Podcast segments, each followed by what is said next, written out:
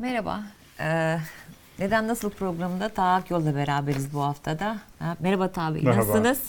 İyiyim, teşekkür ederim. Çok teşekkür ediyorum. Yoğun Gayet bir- iyi. Ben çok keyif alıyorum bu programdan. Siz Ben daha konulara çok çok, key- iyi Ben hazırlanıyorsunuz. daha çok keyif Çok alıyorum. memnun oldum. Ee, sayenizde e, pek çok şeyde e, detayını öğrenme şansım oluyor. Sağ Doğru ol, teşekkür bildiğim ederim. yanlışları düzeltiyorum. Benim için onun Estağfurullah. için kıymeti çok büyük. Tam da siz böyle demişken, daha doğrusu ben de sizden çok şey öğreniyorum demişken, e, bu e, yargıdaki krizle alakalı bazı kavram kargaşaları var. Bence çok temel olarak belki bunlardan e, başlamak gerekiyor. Çünkü hiçbirimiz hukukçu değiliz. E, siz bir hukukçu ve gazeteci olarak hani anayasaya anaya, e, anayasa mahkemesine darbe, anayasaya darbe, sivil darbe yani bir takım kavram karışıklıkları var. Önce oradan bir başlayalım mı? Yani mah- e, anayasa mahkemesi Yargıtay'ın üzerinde bir e, yapı mıdır? Anayasa Mahkemesi Yargıtay'ın üzerinde bir yapı değildir. Ee, bizim anayasamıza göre ve hukukun evrensel prensiplerine göre e, yargı organları birbirlerine eşittirler. Ee, Yargıtay Anayasa Mahkemesi'nden, Anayasa Mahkemesi Danıştay'dan, bunlardan biri diğerlerinden kesinlikle üstün değildir. Ancak görev alanları farklıdır. Danıştay idare ile ilgili olan ihtilaflara bakar. İdari mahkemenin en yüksek organıdır e, Danıştay. E, Yargıtay adli e, ihtilaflara bakar, adli davalara bakar. Adli hukukun en üst e, organı, onun üzerinde bir organ yoktur. En üst organı e, Yargıtay'dır. Anayasa Mahkemesi'ne gelince, Anayasa Mahkemesi hem kanunların e, anayasaya uygunluğunu e, denetler, hem bireysel başvuru 2012'de uygulanmaya başlandıktan e, bu tarafa herhangi bir devlet organının bu arada e, mahkemelerin verdiği kararın insan haklarına, anayasanın insan hakları ile ilgili e, düzenlemelerin uygun olup olmadığına bakar. Anayasa Mahkemesi bir boşanma e, kararı veremez. Bu adli mahkemelere aittir. Bir cinayet hakkında e, karar veremez. Bu adli mahkemelere aittir. E, bir e, kamulaştırma hakkında e, karar veremez. E, bu idari yargıya aittir. Ancak Danıştay'ın verdiği bir kararda yahut Yargıtay'ın verdiği bir kararda Avrupa İnsan Hakları Sözleşmesi'nde düzenlenen haklara aykırı bir durum varsa o vakit Anayasa Mahkemesi der ki bu burada ihlal var. Avrupa İnsan Hakları Sözleşmesi'nin e, insan haklarının şu hakların seçilme hakkı, seçme hakkı, bireysel özgürlük hakkı, adil yargılanma hakkı hangisi ise anayasadaki bu hakların ihlali var der ve bu konuda kendisi karar veremez. O ihlalin düzeltilmesi için yetkili mahkemeye gönderir. E, Dolayısıyla e, Anayasa Mahkemesi'nin zaten ben üst mahkemeyim diye bir itira, bir iddiası yok. Bu Yargıtay tarafından Anayasa Mahkemesi'ne karşı bir tepki olarak özellikle Anayasa Mahkemesi'nin bireysel e, başvuru e, alanındaki kararlarına bir tepki olarak e, ifade ediliyor. Sanırım bunun bu izahından bunun bir ast üst meselesi değil. Mahkemelerin eşit olduğunu ancak alanlarının farklı olduğunu Anayasa Mahkemesi anayasaya uygunluğu denetlediği için de bütün alanlarda anayasaya uygunluğu denetlediğini anlatmış oluyorum. Karıştırılan bir konu da ihlal kavramı. Evet. Hatta bunu maalesef Yargıtay bile karıştırdı. Anayasa Mahkemesi Can Atalay'la ilgili kararında diyordu ki Yargıtay Can Atalay'ın tutukluluk halinin devamına e, yani dokunulmazlık kazanamamasına dair verdiği kararla Can Atay'ın anayasal haklarını ihlal etmiştir. Nedir o haklar? Onu bir üst paragrafta anlatıyordu. Seçme ve seçilme hakkı bir de kişi güvenliği hakkını ihlal etmiştir. Anayasa Mahkemesi bunu anayasayı ihlal gibi anladı. Pardon, Yargıtay bunu anayasayı ihlal gibi anladı. Anayasayı ihlal kavramı ceza hukukunun kavramıdır. Darbeye teşebbüs demektir. Hükümeti devirmeye, meclisi kapatmaya teşebbüs etmek demektir. Maalesef Yargıtay e, bile bunu karıştırdı. Vay Anayasa Mahkemesi beni e, darbeye teşebbüsle suçluyor diye çok ağır e, neredeyse Anayasa Mahkemesi'nin teröre kapı açan bir mahkeme gibi gösterecek şekilde ölçüsüz bir suçlamada bulundu. Hayır, anayasayı ihlal suçu ceza hukuku kavramına girer. Anayasa hukukundaki ihlal kavramı ise anayasanın herhangi bir maddesine aykırılık anlamındadır. Şimdi peki E, bu karar sonrasında ne olacak? Anayasa Mahkemesi e, Yargıtay kararı kabul etmedi. Şimdi ne olacak? Şimdi ne olacak derken bana hukukun gereğini mi soruyorsunuz? Ee, yoksa Hukukun gereği olarak ne Ha, olması hukukun gerekiyor? gereği besbelli. Ee, yani bir yargı krizinden bahsediliyor. Evet yargı krizi yaşıyoruz. Fakat bu krizin çözümü belirsiz değil. Bu kriz böyle krizler ortaya çıktığında yani yüksek yargı organları arasında bir yetki ihtilafı çıktığında bunun nasıl çözüleceği anayasada yazılı. Anayasanın 158. maddesinin başlığı uyuşmazlık mahkemesi. Yargıtay'la Danıştay, adli yargı ile idari yargı arasında ihtilaf çıktığı zaman e, Anayasa Mahkemesi'nden bir üyenin başkanlığında e, oluşan uyuşmazlık mahkemesi var. Oraya gider. O der ki hayır bu Yargıtay'ın yetkisine giriyor bitti. Veya Danıştay'ın yetkisine giriyor bitti. Fakat o maddenin bir üçüncü fıkrası var. Orada diyor ki yetki ihtilafı Anayasa Mahkemesi ile çıkmışsa o vakit Anayasa Mahkemesi'nin kararı esas alınır. Demek ki şu anda Yargıtay'la Anayasa Mahkemesi arasındaki yetki e, ihtilafı konusunda Anayasa'nın 158. maddesine göre ya, e, Anayasa Mahkemesi'nin kararı esas alınır. Nokta. Hani e, nas var sana bana ne oluyor diyorduk ya. Anayasa'da hüküm var. Açıkça belirtiliyor. Bu konuda hüküm var. Sana bana ne oluyor? Anayasanın 158. maddesinin uygulanması lazım. Ama maalesef e, kendisi bir hukukçu olan e, Adalet Bakanı bile bugüne kadar 158. madde yokmuş gibi konuşuyor. O yüzden de sürüp gidiyor. Yani- Ha bunun dışında ne olur? Ha bunun dışında ne olur? Bu öngörülemezlik hali denilen bir mesele. Yani nasıl ekonomide e, bu e, ortodoks politika e, kaç ay, kaç yıl devam edecek öngörülemiyorsa bu krizde hangi iradeyle nasıl çözülecek o öngörülemiyor. Çünkü kuralı uygulayamıyorsunuz. Kural 158. madde e, Anayasa Mahkemesi'nin kararı esas alınır şeklindeki hükümde ne olacağı besbelli hemen çözülür bu iş. Ama onu uygulamayınca kuralın belirsizliği ortaya çıkıyor. Kim hangi kurala göre hareket edecek bu sorunun cevabı yok. Onun için kriz bu. Kemal Gözler'in Elveda Anayasa kitabı şimdi aklıma geldi. Çok iyi e, Ee, bahsettiniz bu kitaptan. E, Hatırla sözünüz kesin buyurun. Buyurun lütfen siz buyurun. Beni evden e, eşim ve oğlum uyarıyor. Soru sorulurken soru soran insanların sözünü kesme diye. Sözünü kestiysem özür Esta- dilerim. Kitap deyince ben heyecanlanıyorum. Biliyorum. Gayet iyi biliyorum. Çok teşekkür ederim. Ee, Kemal Gözler e, günümüzün e, en yüksek, e, en uluslararası saygınlığa ve Citation Index'e giren e, anayasa hukukçularımızın başında gelen bir isimdir.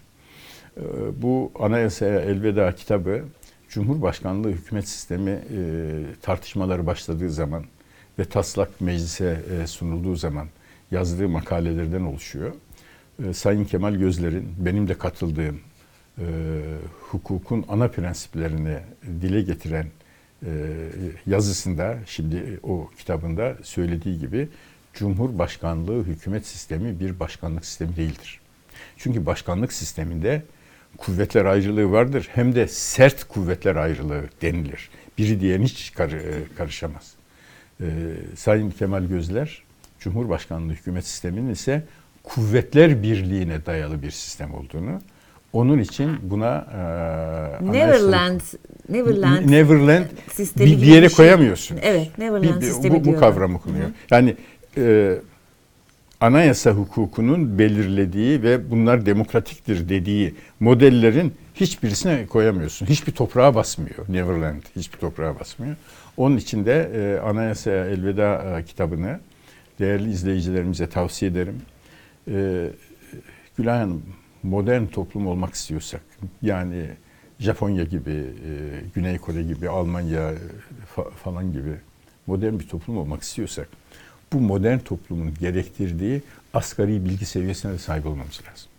Nasıl trafik işaretlerini bilmeden e, şoförlük yapamazsanız, araba süremezseniz, modern toplumun gerektirdiği asgari bilgi düzeyine sahip olmadan da o toplumun refahına ulaşamazsınız. Mesela modern toplum iyi eğitimli vasıflı iş gücü gerektiriyor. Ama ne olsa yaparım abi e, diyerek e, 10 bin doları geçemiyoruz. 12-13 bin oluyor geri aşağı düşüyor. Bir türlü 20 bin doları bile aşamadık. Bugün 50 bin dolar gelişmiş ülkelerde fert başına milli gelir. Hukukta da böyle. Hiç kimsenin hukukçu olması gerekmez. Türkiye'de yeterince hukukçu var. Çok iyi hukukçularımız da e, var. E, ama oy veren vatandaşın hukukun temel kavramları hakkında hiç olmazsa şöyle bir sayfalık bir ansiklopedi e, sayfası kadar bilgiye sahip olması lazım. Biraz da o yüzden sordum zaten Ah, size işte başta böyle problem işin orada. ABC'sinden. Problem. Çünkü hani evet Problem orada. Problem orada. Evet. e, şimdi kuvvetler ayrılığı Hah, olmadıktan en önemli sonra kavram. evet, Kuvvetler bir ayrılığı. sürü şeyde bay Kuvvetler bay, bay bay, ayrılığının elveda, ne olduğunu, demeniz gerekiyor. kuvvetler ayrılığının ne olduğunu 21. yüzyılda yaşayan yeryüzü insanların e, böyle 18, 20, 25 yaştan e, yukarı olanların kuvvetler ayrılığının ne olduğu hakkında bir fikrin olması lazım. Kuvvetler ayrılığı bütün yetkilerin tek elde toplanmaması, e, bir yetkinin diğerini denetlemesi anlamına gelir. Bir kanun yanlışsa bunu meclis düzeltir. Ama bir kanun meclis tarafından anayasaya aykırı olarak çıkarılmışsa ne yapacağız? Eskiden deniyordu ki milli irade yanılmaz, milli irade üstündür. E, meclisin yaptığı bir kanunun anayasaya aykırılığı iddia edilemez. Bunu diyen kimdi biliyor musunuz? Bir, e, Fransa'da Jacobenizmin e, filozofu Jean-Jacques Rousseau.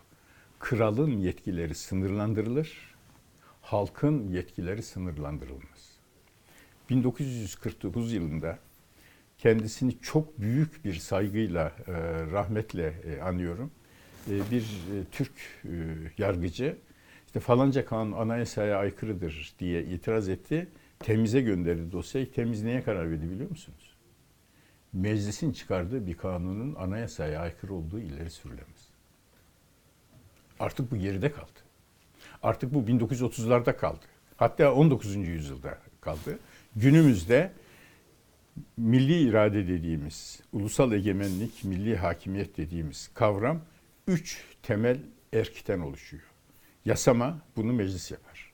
Meclisten başka hiç kimse kanun çıkaramaz. Yürütme, icra bunu sadece hükümet ve hükümet organları yapar. Başka hiç kimse e, yapamaz. Bir hakim e, yürütme yetkisini kullanamaz. Mesela İstanbul'daki en kıdemli hakim kim diyelim Adalet Komisyonu Başkanı yahut işte Ağır Ceza Mahkemesi'nin reisi. Bu kişi trafik işaretlerinin değiştirilmesine karar veremez. Çünkü bu idari bir konu. Ee, kuvvetler ayrının diğer bir örneği de yargı bağımsızdır. Kimin hakkı ihlal edilirse mahkemeye gider. O hakkı ihlal eden meclisse meclise karşı milli iradeyi temsil ettiği, e, tek başına temsil ettiği sanılan meclise karşı Anayasa Mahkemesi'ne gider. Anayasa Mahkemesi de milli iradenin yargılama yetkisini kullanarak o kanunu iptal eder. İşte kuvvetler ayrılığı bu. Şimdi bunu bilmiyorsak o vakit biz demokratik ülkelerin sahip olduğu özgürlüklere, hak ve hürriyete, e, yargının işleme biçimine özenmeye hakkımız yok. Ha, hak ediyorsun kardeşim bunu. Peki bu e, yargı krizinin müsebbibi kim sizce? Şimdi ben müsebbibini e, siyasi olarak e, tavsif edebilirim. Fakat bu yorum olur. E, burada müsebbip olarak iktidar gözüküyor. E, çünkü iktidarla yargı arasında bir paralellik var. Eskiden beri iktidarla e, Yargıtay arasında e, bir e, paralellik var. Mesela Osman Kavala davasında iktidar ne diyordu? Yargıtay neye karar verdi? Yahut Can, Atal, Can Atalay konusunda iktidar ne diyordu? Yargıtay neye karar verdi? Ve iktidar zaman zaman Anayasa Mahkemesi'ni şiddetle, ağır dille mesela Süleyman Soylu'nun Anayasa Mahkemesi Başkanı hakkında söylediği hadsiz, saygısız evet. sözler. Anayasa Mahkemesi'ni eleştirildiği halde Yargıtay'dan memnunlar. Böyle bir yorumla Yargıtay'ın oradan cesaret aldığı söylenebilir. Fakat bu bir yorum. Somut olarak baktığımızda bu işi çıkaran Yargıtay. Ne diyor Yargıtay? Anayasa Mahkemesi beni anayasa başa döndük şimdi. Anayasayı ihlal etmekle suçluyor. Hayır kardeşim Anayasa Mahkemesi seni anayasayı ihlal etmekle suçlamıyor. Can Atalay'ın anayasada yazılı şu şu haklarını ihlal etmekle suçluyor. O öyle suçlayınca da aldı başını gitti. Ayrıca da hükümetin, e, iktidarın e, başta Sayın Cumhurbaşkanı olmak üzere açıkça Yargıtay'a destek vermeleri e, olayı büyüttü. Yargıtay'ın bir açıklaması oldu olayla ilgili olarak. Bugün de Elif Çakır da yazmıştı. Anayasa Mahkemesi'nden herhangi bir e, ki üyeleri hakkında suç duyurusunda bulunmasına rağmen herhangi bir açıklama e, ya da bir yorum gelmedi. E, bunu nasıl değerlendirirsiniz? Anayasa Mahkemesi neden sessiz kalmayı Anayasa? Mahkemesi vakur duruyor. Ee, onun için sessiz kaldı. Ee, Anayasa Mahkemesi eğer Türkiye bir hukuk devleti ise hukukun gereği e, ilgililer tarafından yerine getirilir diye düşünüyor. Onu da söyledim. Yetki ihtilafı halinde Anayasa Mahkemesi kararı esas alınır diye e, Anayasa Mahkemesi'nin Anayasanın 158. maddesi. Anayasa Mahkemesi yangını körüklemiyor susmak suretiyle hukuk itfaiyesinin yangını söndürmesini e, bekliyor. Ama öbür taraf yangını körüklüyor maalesef. Ee, Cumhurbaşkanı Erdoğan da e, Riyad dönüşü zaten şöyle demişti. Düzenleme sinyallerini verdi Anayasa Mahkemesi ile alakalı. Ee, o kadar da zor bir olay değil. Bütün iş Cumhur İttifakı'nın alacağı karara bağlı, atacağı adıma bağlı dedi.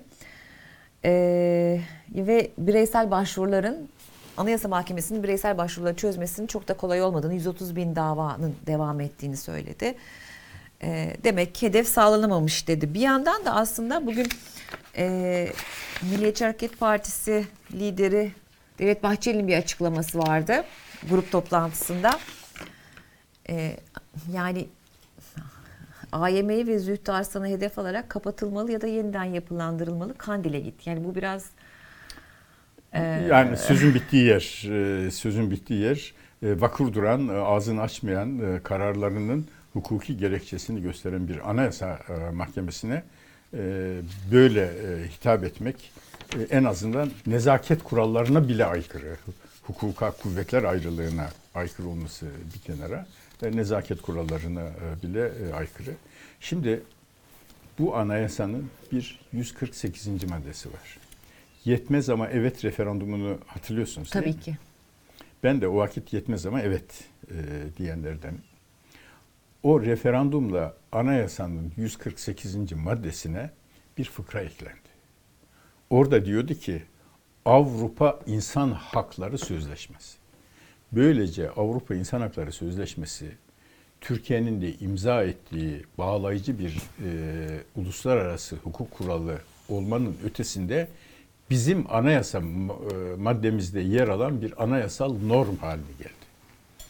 Avrupa İnsan Hakları Sözleşmesi'ne göre bir hakkının devlet organları tarafından, bu kim olabilir? Vali tarafından olabilir, kaymakam tarafından olabilir, jandarma, asker tarafından, polis tarafından olabilir. E, tapu memuru e, tarafından olabilir, Yargıtay tarafından da olabilir. E, falanca Ağır Ceza Mahkemesi e, tarafından da olabilir. Bu Avrupa İnsan Hakları Sözleşmesi'ne göre kamu otoritesinin bir ihlaline maruz kaldığını düşünen insanlar giderler Anayasa Mahkemesi'ne bireysel başvuruda bulunurlar diyor. Bu anayasal bir. Ne yaparsınız bunun karşısında? Kanun olarak yapacağınız hiçbir şey yok. Uymak zorundasınız. Şimdi biz bireysel başvuruyu yeniden tayin edelim. Ee, mesela e, e, diyelim ki e, istimlak davaları bireysel başvurunun dışındadır. Diyemezsiniz. Çünkü istimlak davaları da Avrupa İnsan Hakları Sözleşmesi'nin kapsam içinde. Burada şu açıkça belli oluyor. İktidar e, hem e, Adalet ve Kalkınma Partisi e, ve Sayın Cumhurbaşkanı hem Milliyetçi Hareket Partisi ve Sayın Bahçeli diğer ufak ortakları önemsemiyorum. Bunlar Anayasa Mahkemesi'nin yetkilerinin daraltılmasını istiyorlar. Bireysel başvurunun daraltılmasını istiyorlar. 130 bin dosyanın şu anda Anayasa Mahkemesi'nde derdest bulunması sanki hükümetin sırtında büyükmüş gibi Anayasa Mahkemesi şikayet etmiyor da onlar şikayet ediyorlar. Demek ki daraltmak istiyorlar yetkiler. Bunun anayasadan başka yolu yok. 148. maddeyi kaldıracaksınız. 148. maddeyi kaldırdığınız zaman iş Avrupa İnsan Hakları Mahkemesi e, ile e, Türkiye arasında bir ihtilaf. Daha da önemlisi Avrupa İnsan Hakları Sözleşmesi'ni tanımayan bir ülke haline. Ondan sonra git Mehmet Şimşek bul bakalım 10 dolar bulabiliyor musun? E, bırak 50 milyar dolar. Şu anda bile işi Şu anda yeteri bile. kadar e, Şu anda bile. zor. Yani herhalde bu gelişmelerden çok da memnun değildir bir e, Maliye Bakanı olarak, yatırım arayan bir Maliye Bakanı olarak çok Bilal, da ben şuna memnun çok değildir. e, üzülüyorum. Yani hukuk çok şükür benim Ali Fuat Baş, Başgil gibi bir hukuk rehberim oldu. Onun fiilen hocası olamadım. Mes- Pardon, e, talebesi olamadım. Ben girdiğimde 27 Mayıs darbecileri onu çoktan emekli etmişlerdi. Bütün hayatımda iki defa elini öpmek şerefine nail oldum. Ama bütün kitaplarını okudum çok şükür. O bana hukuku bir aşk gibi, bir yüksek e, inanç gibi hukuk e, nosyonunu ekledi. Şuna çok üzülüyorum bu nosyon sebebiyle. Ya kardeşim sen hukukçusun. Şu anayasa bu konuda ne diyor bir bak da ondan sonra konuş. Yahut danışmanlar anayasa ne diyor bir bakın ondan sonra konuşun. Danışman çıkıyor diyor ki milli hukukla gayrimilli hukuk arasındaki çatışma. Ama orada tabii hani o e, halk bunu çok takip etmeyecek. Yani hangisi doğru, hangisi da. Yani o birazcık bir söylem. e, Geldik yine başa. Bu çağda Bilmemek, evet. 21. yüzyılın hayat seviyesini e, yaşamak istiyorsan çocuklarım 21. yüzyıldaki İngiliz, Fransız, Alman, e, Japon çocukları gibi yetişsin diyorsan, onlar gibi refahlı olayım, onlar gibi muhannete muhtaç e, olmayayım e, diyorsan onlar kadar asgari bir hukuk hassasiyetin olacak kardeşim. O olmadan olmuyor işte deniyor, deniyoruz. 1963 yılında Güney Kore'de fert başına e, milli gelir 61 dolardı. Türkiye'de 121 dolardı. Bugün Güney Kore'de fert başına milli gelir 35 bin dolar. Türkiye'de 11 bin dolar, 12 bin dolar. Görülüyor. Her şey görülüyor. Sizce Türkiye'nin yeni bir anayasaya ihtiyacı var mı? Türkiye'nin yeni bir anayasaya ihtiyacı vardır da diyemem, yoktur da diyemem. Hangi şartlarda ve nasıl bir anayasa sorusu cevap verirsin? Ha, o zaman bunun ihtiyacımız var. Ya da "Aa, sakın ha şimdiki ondan daha iyidir. Şimdi açıkça e, bireysel özgürlüklere tavır alan, e, yüksek yargı kararlarının uygulanmasına tavır alan, Avrupa İnsan Hakları Sözleşmesi'nin gereği olan başvuru hakkını sınırlandırmaya çalışan, medyaya muamelesi nasıl davrandığı belli olan bir iktidarın yapacağı anayasanın ne kadar özgürlükçü olacağını kim garanti edebilir? O yüzden ben aman böyle devam edelim diyorum. Ama şu olursa iktidar hiçbir ön yargım yok. Avrupa İnsan Hakları Sözleşmesi'ndeki yani bugünkü modern evrensel hukukun temel prensiplerine uygun bir anayasa hazırlamak üzere her parti hukukçularını göndersin. Onlar kendi aralarında çalışsınlar. Buna yüzde yüz var. Ama anlaşamazlar. E, o vakit kaşımaya lüzum yok. Zaten Mevcudu meclisin uygular. e, aritmatiği de e, yeni bir anayasanın yapılmasını engelliyor aslında. Engelliyor evet. Yani muhalefetten iktidara destek veren çıkmazsa mevcut haliyle iktidarın e, yapabileceği hiçbir şey yok. Bir yandan da şöyle ironik bir durum var. 2008 yılında değil mi Yargıtay e, AK, e, AK Parti'nin kapatılmasına dair bir dava açmıştı Anayasa Mahkemesi'ne. Yargıtay Başsavcısı Anayasa Başsavcısı Anayasa açmıştı. Mahkemesi'ne açmıştı. E, şimdi baktığınızda Anayasa Mahkemesi'nin o zamanki kararlarına e, hükümetin bakışı şimdiki bakış arasında biraz tabii Orada esas e, dağlar var. evet orada esas çelişki e, Avrupa Konseyi'dir. E, pardon Venedik e, Venedik Komisyonu'dur. Venedik Komisyonu'nun kısaltılmış adı. Esas adı Hukuk Yoluyla Demokrasi Avrupa e, Komisyonu. Venedik'te olduğu için buna Venedik Komisyonu diyorlar.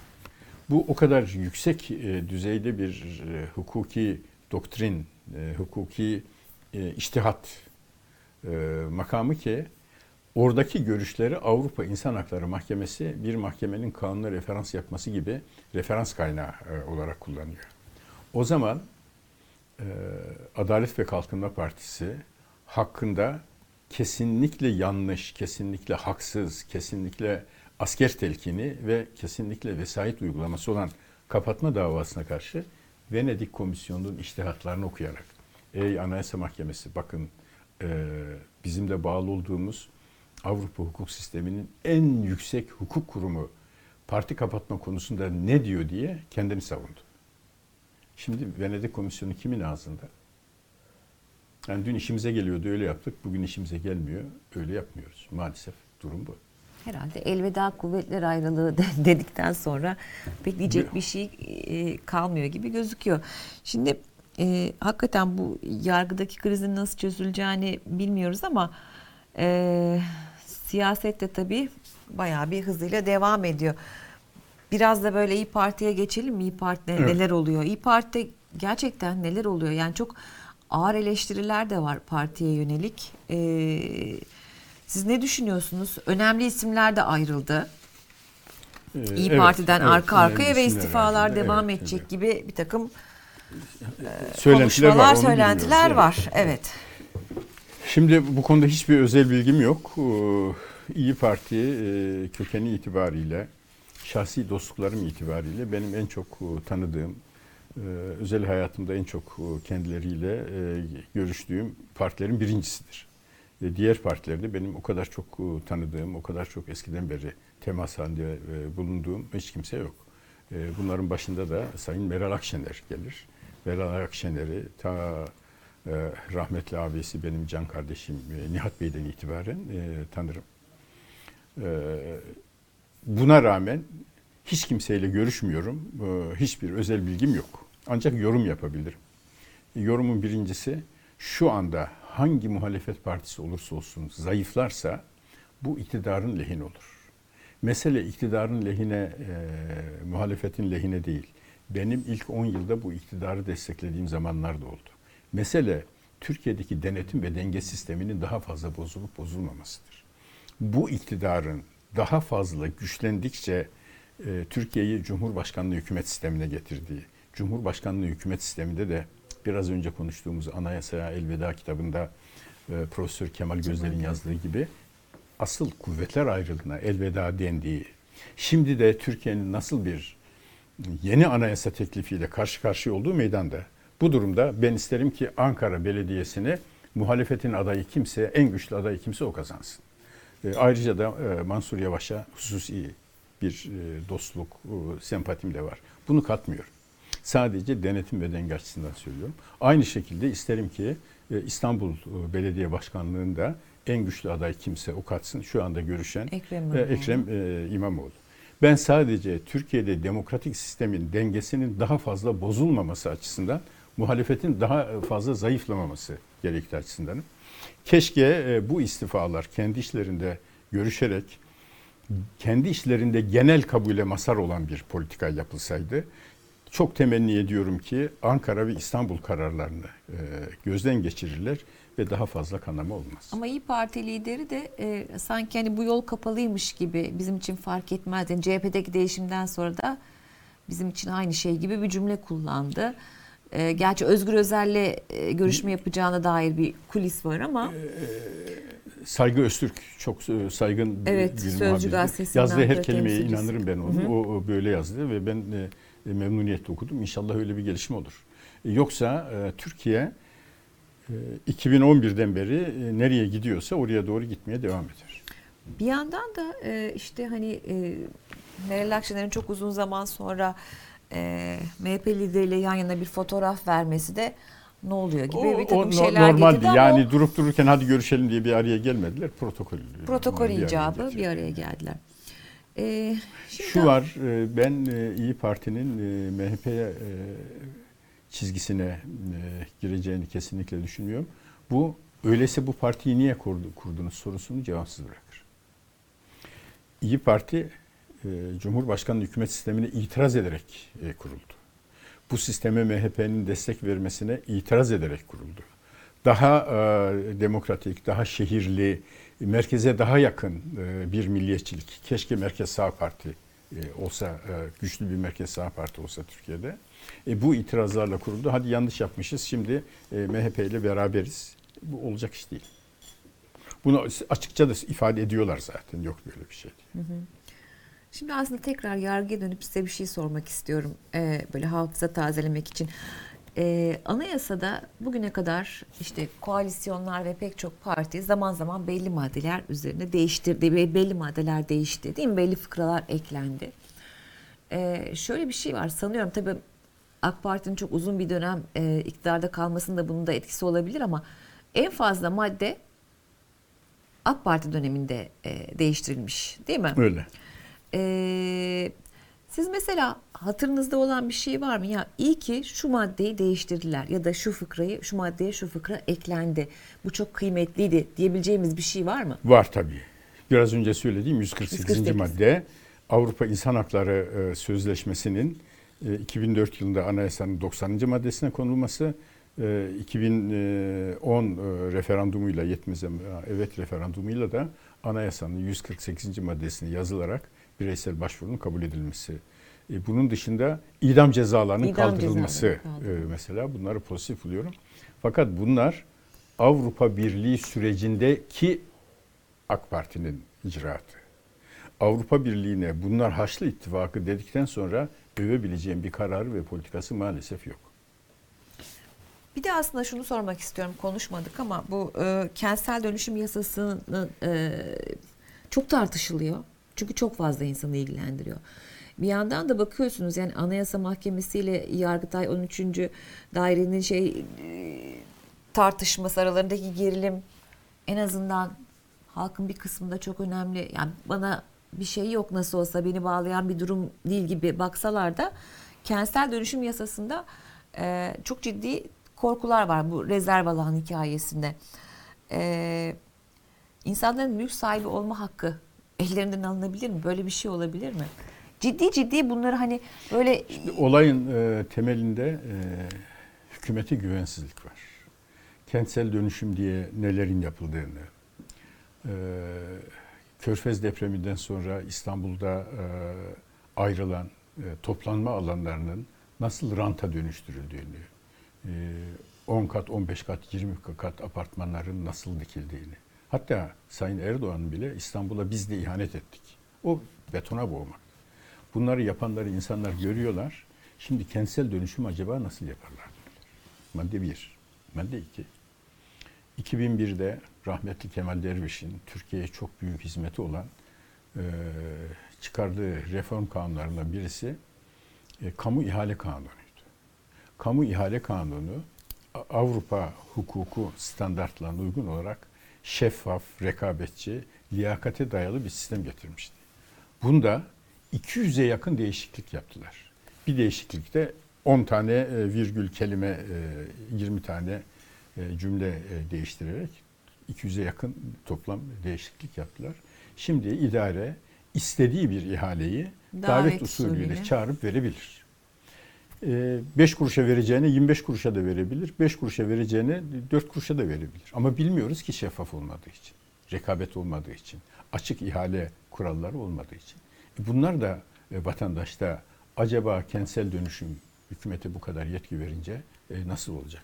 E, Bu yetkileri e, Almanya'da Scholz'a verseniz veya dün Merkel'e verseydiniz e, bu kadar endişe olmazdı. Burada yetkiden ziyade hükümetin hep kendi tarafına, hep kendi e, adamlarını koruyan, hep kendi müteahhitlerini koruyan, hep kendisinin lehine sınavlara bakın. Adam e, sınava giriyor, 92 puan alıyor, mülakata giriyor, harcanıyor, 60 puan alan adam onun yerine geçiyor. Böyle şeyler oluyor Türkiye'de. E, bu o kadar büyük reaksiyon doğur- doğurdu ki bu mülakatlardaki e, tarafgirlik. Seçimlerden önce mülakatları kaldıracağız dediler değil mi? Niye bir kalkmadı? seçim vaadi olarak herhalde dünyada duyulmuş en ilginç Ya- şey olabilir yani. Türkiye'de e, rahmetli Ecevit'in bu ülkeye yaptığı hizmetlerden biridir. E, kamu e, alımlarını özel mülakattan e, çıkarıp e, işte KKS e, genel bir e, sınava bağlayan sistemi bunlar bozdular mülakat yoluyla. E, aşağı yukarı e, bu FETÖ e, soruşturmalarında 3000 kadar e, hakim ve savcı tasfiye edildi. Yargı denetimi yoktu, eleştirilecek yönleri var. 3000 rakamını yazalım. Sonra 10 bin hakim ve savcı daha aldı. Son olarak Cumhurbaşkanı 20 bin hakim ve savcı yeni e, o, o günden bugüne görev alındığını söyledi. Bunlar nasıl alındı? Mülakat. Mülakatla. İşte bütün bunları görünce kamuoyunda bir güvensizlik var. Şimdi benim adıma e, apartmanın çoğunluğu karar verecek. Hangi müteahhide gidecek? O müteahhit kime nasıl davranacak? Bu sorulara siz cevap verebilir misiniz vatandaş olarak? İşte güven ne kadar önemli bu ortaya çıkıyor. Tabii o rezerv Sadece para politikasına değil, sadece para politikasına değil, imar politikasına da güveneceksin. Güvenmeyince de bunlar oluyor. Evet o e, gerçekten ben de anlamadım. Bir de bir taraftan da bir umutsuz e, seçmen var. Metropol'ün Ekim araştırmasına göz atabildiniz mi bilmiyorum ama seçimin üzerinden daha 5 ay geçti ama seçmen e, verdiği siyasi tercihi tartışıyor. E, her şeyi sorguluyor ve son derece karamsar. Yani mesela şöyle bir şey var. Ee, bu pazar bir milletvekili seçimi olsa hangi siyasi partiye oy verirsiniz sorusuna 39.2 kararsızım. Protesto oy cevap yok e, çıkmış. Bu oran bir önceki aya, aya göre 5,5 puan yukarıda. 14 Mayıs'ta AK Parti'ye oy verenlerin %60 yine AK Parti diyor. %12.6'sı başka bir parti adı veriyor. %26'sı partisinden diğer partilerde. Yani aslında şimdi tam böyle yerel seçime de şurada e, 3-4 ay kalmışken seçmen gerçekten ne yapacağını bilmez bir halde ki Türkiye'de seçimlere katılımın yüksek oranda olduğunu da biliyoruz. E, şimdi 8 yılda 9 kere sandığa gittik. Çok çok fazla. Çok yani fazla. sandık Çok, çok. yorgunuyuz biz. Gerçekten Çok, çok, sandık çok. yorgunuyuz.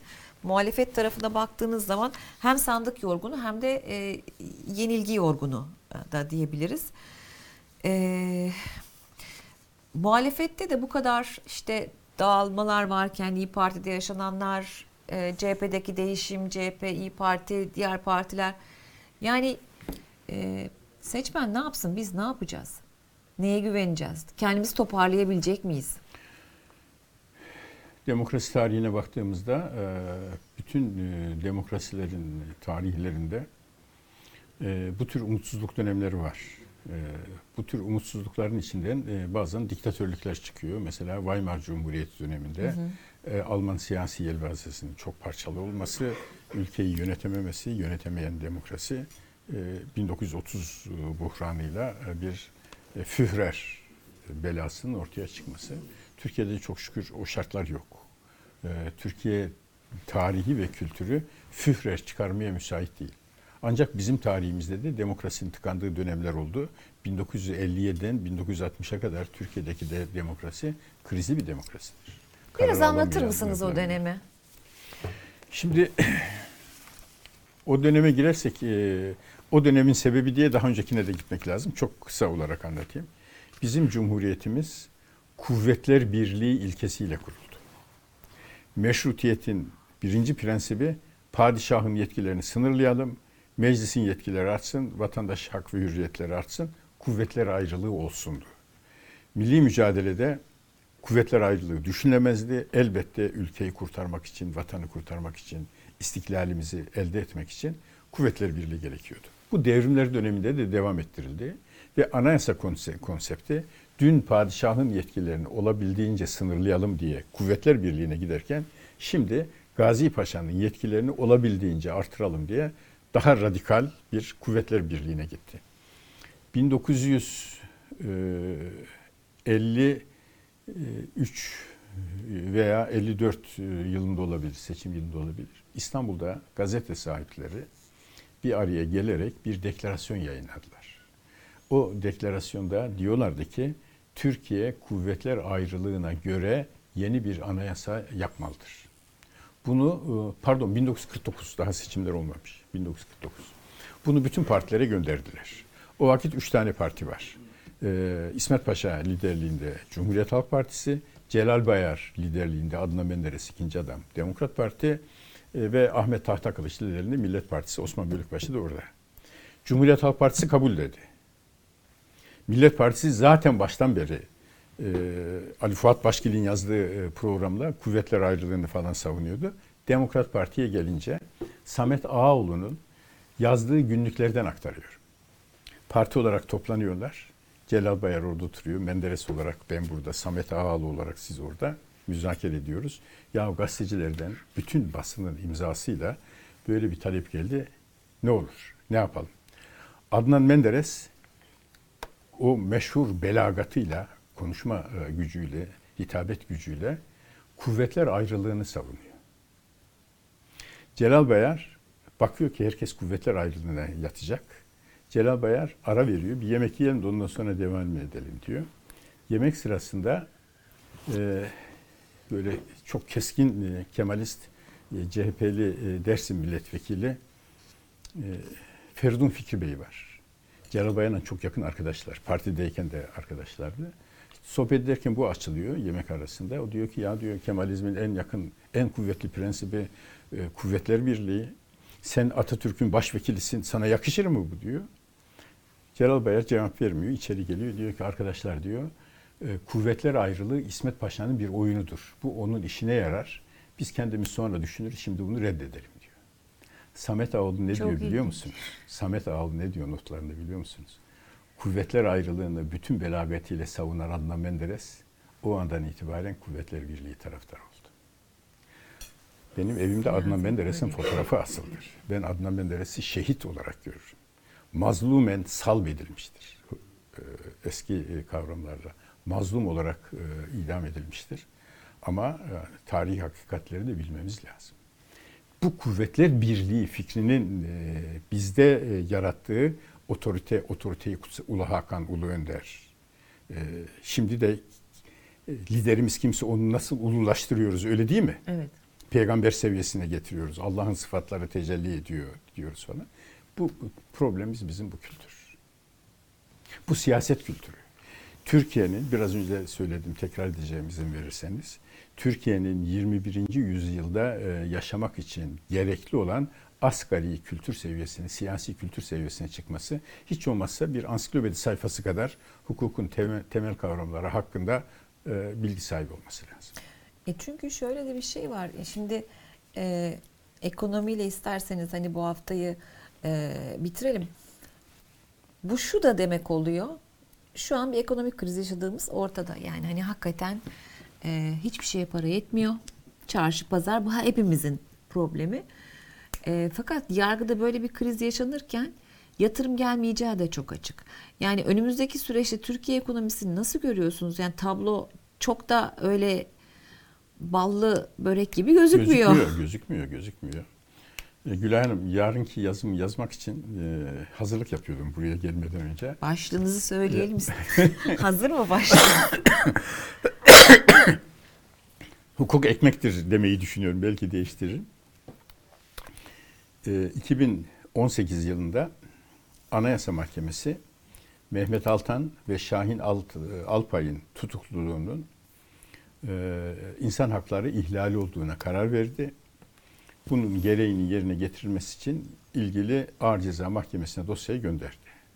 İlgili Ağır Ceza Mahkemesi, Anayasa Mahkemesi yetki gaspında bulunmuştur. Benim karar vereceğim bir konuya o karar vermiştir. Yetki gaspında bulunmuştur diyerek bunu uygulamayı reddetti. 10 gün veya 15 gün sonra yayınlanan Moody's kararı. Türkiye'de Anayasa Mahkemesi kararları uygulanmıyor. Hukuki öngörü yok. E, Derecesini B1'den B2'ye indiriyor. Bunlar çocuk oyuncağı değil. E artık Her e, şeyi gösteriyor bu. Şimdi düşünün. Anayasa Mahkemesi'nin kararına Yargıtay uymuyor. Ee, hükümet de, iktidar da, Cumhurbaşkanı'ndan Adalet Bakanı'yla e, birlikte e, yayın organlarını katmıyorum. E, buna destek veriyorlar. Sonra da ben hakemim diye kararını yumuşatmaya çalışsa da tablo ortada. Türkiye'ye bir yatırım geldiğinde neye güvenerek gelecek?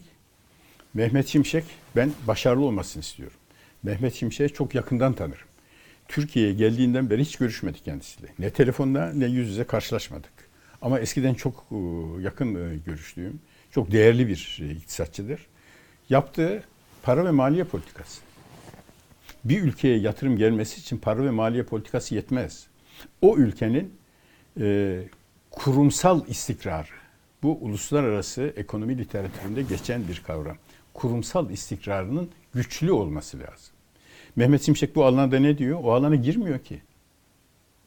Ona herhalde sen sadece para ve maliye işleriyle uğraş. Yani bütçe ve Merkez Bankası'nın faiz politikası. E, sırf ondan olmuyor. Merkez Bankası'nın bağımsızlığı. Mehmet Şimşek'in 2018 Temmuz'unda görevden uzaklaştırılıp yerine e, Sayın Berat Albayrak getirilinceye kadar Merkez Bankası'nın bağımsızlığını Başbakan Tayyip Erdoğan'a karşı e, savunan açıklamaları var. Şimdi bir tane Merkez Bankası'nın bağımsızlığı kavramını duyuyor muyuz? Herhalde uygulamayla e, gösterelim diyorlar. Sözle söylediği zaman bir siyasi ihtilaf çıkacak. E, politika, izlenen politika zayıflayacak. Ama Batı basınında da siz de takip ediyorsunuz. İkide bir Sayın Erdoğan bugünkü ortodoks politikalara ne kadar müsaade edecek bakalım diye bir tereddüt ifade. Eğer yatırımcıya güven vermek istiyorsanız bir kanun çıkarırsınız. Merkez Bankası'nın e, bağımsızlığını kaldıran 3 sayılı Cumhurbaşkanlığı kararnamesinin yürürlükten kaldırıldığını kanuna yazarsınız. Ha, o zaman herkes güvenir. Merkez Bankası bağımsız oldu. İşte problem bu. Çağımızdaki devlet adamı bir Fatih Sultan Mehmet çıksın, bir Atatürk çıksın da bizi kurtarsın. Geçti o çağlar. Evet, o Kurallar ve kurumlar. dönem- Evet. Çağımızda bir ülkenin iyi yönetilmesinin şartı kurallar ve kurumlar. Onun üzerine de iyi bir politikacı, atak, e, enerjik, dinamik, e, hukuka saygılı liderlerin olması elbette çok iyi ama temel Avrupa'da hükümetler iniyor, çıkıyor, koalisyonlar falan. Merkel gitti, e, Scholz Scholz. geldi. Ne oldu? Hiçbir, Hiçbir şey şey. olmadı. Ama bizde bir iktidar değişince bütün nimetler değişiyor. Bütün külfetler de değişiyor. Onun için habire sandığa koşuyoruz bizimkiler iktidara gelsin diye.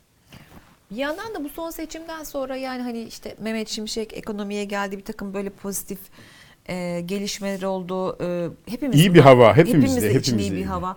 Bir yanda İçişleri e, Bakanlığı'nın yaptığı Çok operasyonlar isabetli. Ali Yerlikaya'nın yani böyle hani muhalif seçmen de ama bakın işte Bak iyi. burası iyi burası iyi derken biz bir şey oluyor ve bir duvara çarpı veriyoruz. Yani hani başka bir şey oluyor ve bir duvara çarpıyoruz. E, Bundan şu görülüyor.